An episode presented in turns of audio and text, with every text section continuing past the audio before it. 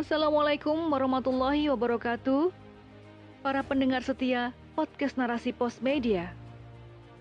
Narasi Pos cerdas dalam literasi media, bijak menangkap peristiwa kunci. Kesehatan adalah suatu hal yang sangat penting bagi kehidupan manusia. Karena itulah, sebuah sistem pelayanan kesehatan yang mumpuni harus tercipta di tengah-tengah masyarakat. Untuk lebih jelasnya, bisa kita dengarkan bersama dalam rubrik opini dengan judul Sistem Kesehatan Berbasis Syariah Sempurna dengan Penerapan Islam Kafah oleh Dia Dwi Arista. Islam adalah agama yang unik. Agama Samawi ini mempunyai aturan sempurna baik untuk pemeluknya maupun manusia secara umum. Aturannya mencakup seluruh aspek kehidupan, mulai dari peribadahan, sosial, politik, pendidikan, kesehatan, dan lain sebagainya. Berdasarkan hasil sensus 2020, jumlah penduduk Indonesia adalah 270,20 juta jiwa.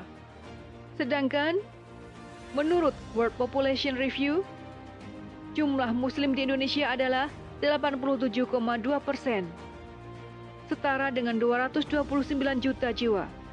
Jumlah ini membawa Islam sebagai agama terbesar di Nusantara. Populasi penduduk yang berjumlah besar ini disoroti oleh Wakil Presiden Kiai Haji Ma'ruf Amin sebagai potensi, baik secara ekonomi maupun dakwah. Beliau pun mendorong MUKISI, Majelis Upaya Kesehatan Islam Seluruh Indonesia, agar meningkatkan jumlah rumah sakit bersertifikat syariah, juga pelayanan sesuai standar syariah dalam pertemuan virtual Muktamar kelima MUKISI. Wapres mengatakan, sistem pelayanan kesehatan berdasarkan akidah Islam sangat diperlukan dalam membantu proses penyembuhan dan pemeliharaan kesehatan, mengingat besarnya jumlah penduduk muslim di Indonesia. Tak hanya itu, dengan sistem kesehatan berbasis syariah, seorang muslim dapat meningkatkan keimanannya selama menjalani perawatan. Dalam muktamar kelima MUKISI, Dr. Sagiran SPB memaparkan jika rumah sakit syariah atau islami mempunyai tujuan dalam menjaga kesehatan jasmani. Hal ini sesuai dengan makosid syariah, yaitu hifzu an-nafs, menjaga jiwa. Maka diharapkan rumah sakit yang berlabel syariah harus mempunyai pedoman standar pelayanan dan indikator mutu wajib syariah. Ada tiga indikator mutu yang wajib ada dalam rumah sakit syariah. Yang pertama, pasien yang sakaratul maut harus didampingi dengan membacakan talqin. Kedua, mengingatkan untuk salat bagi pasien dan keluarga. Ketiga, pemasangan kateter sesuai dengan gender untuk menjaga kehormatan pasien. Rumah sakit bersertifikat syariah juga harus mempunyai 8 SPM, standar pelayanan minimal. Yang pertama, pemberian tindakan dan obat harus membaca basmalah. Kedua, pasien diwajibkan berhijab. Ketiga, mandatory training untuk fikih pasien. Keempat, edukasi islami dengan leaflet atau buku kerohanian.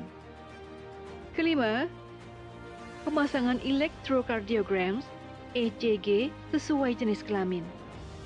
Keenam, ibu menyusui diwajibkan memakai hijab. Ketujuh, pemakaian hijab ketika operasi. Delapan, jadwal operasi tidak boleh berbenturan dengan jadwal salat. Adanya rumah sakit syariah akan sangat menguntungkan bagi kaum muslim ketika berobat. Karena standar yang dipakai sesuai fitrah manusia dan syariat Islam.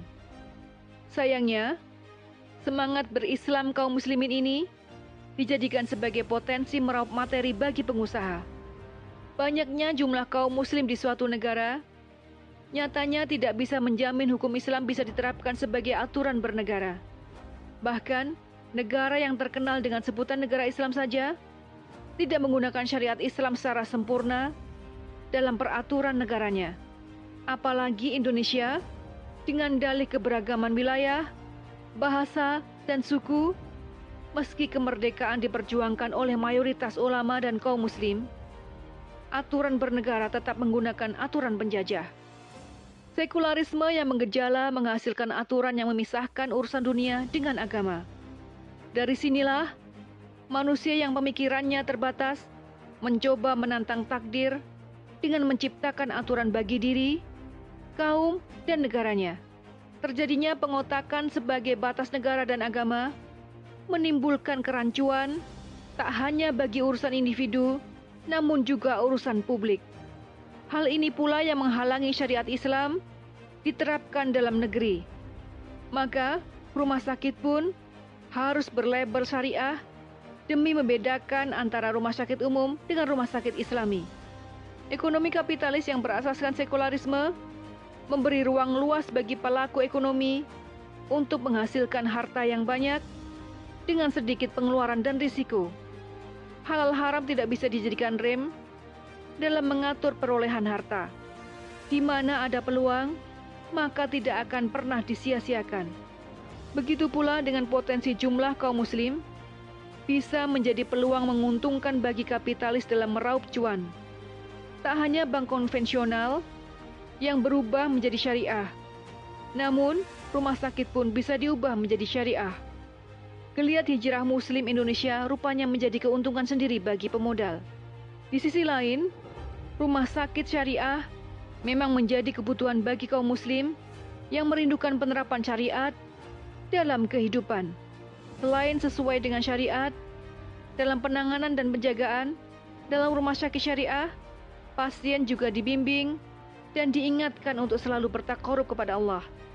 Menjadikan sakit bukan sebagai beban, namun sebagai penghapus dosa juga kalau Allah SWT. Pelabelan rumah sakit menjadi bukti jika negara ini tidak menjalankan syariat Islam secara kafah. Padahal Allah berfirman dalam surah Al-Baqarah ayat 208, Wahai orang-orang beriman, masuklah kalian kepada agama Islam secara kafah. Seorang muslim diwajibkan berislam secara sempurna, tidak mengambil sebagian hukum dan mengingkari sebagian lainnya. Semua syariat Islam wajib diamalkan. Hal ini tak hanya berlaku pada individu, namun juga terhadap negara yang meriayah individu. Demokrasi kapitalis adalah sistem yang bertentangan dengan sistem Islam. Peniadaan campur tangan agama terhadap kehidupan menjadikan sistem ini tak layak bagi kehidupan manusia.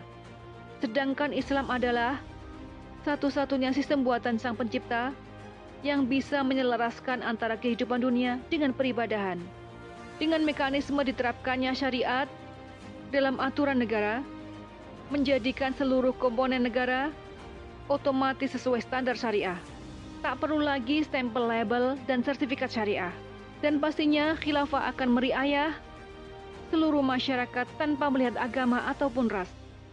Pelayanan kelas 1 akan diberikan merata kepada rakyat dengan biaya minim, bahkan gratis karena kesehatan merupakan salah satu tanggung jawab dari negara dalam periayahan kepada rakyatnya. Mulu alam, biswab.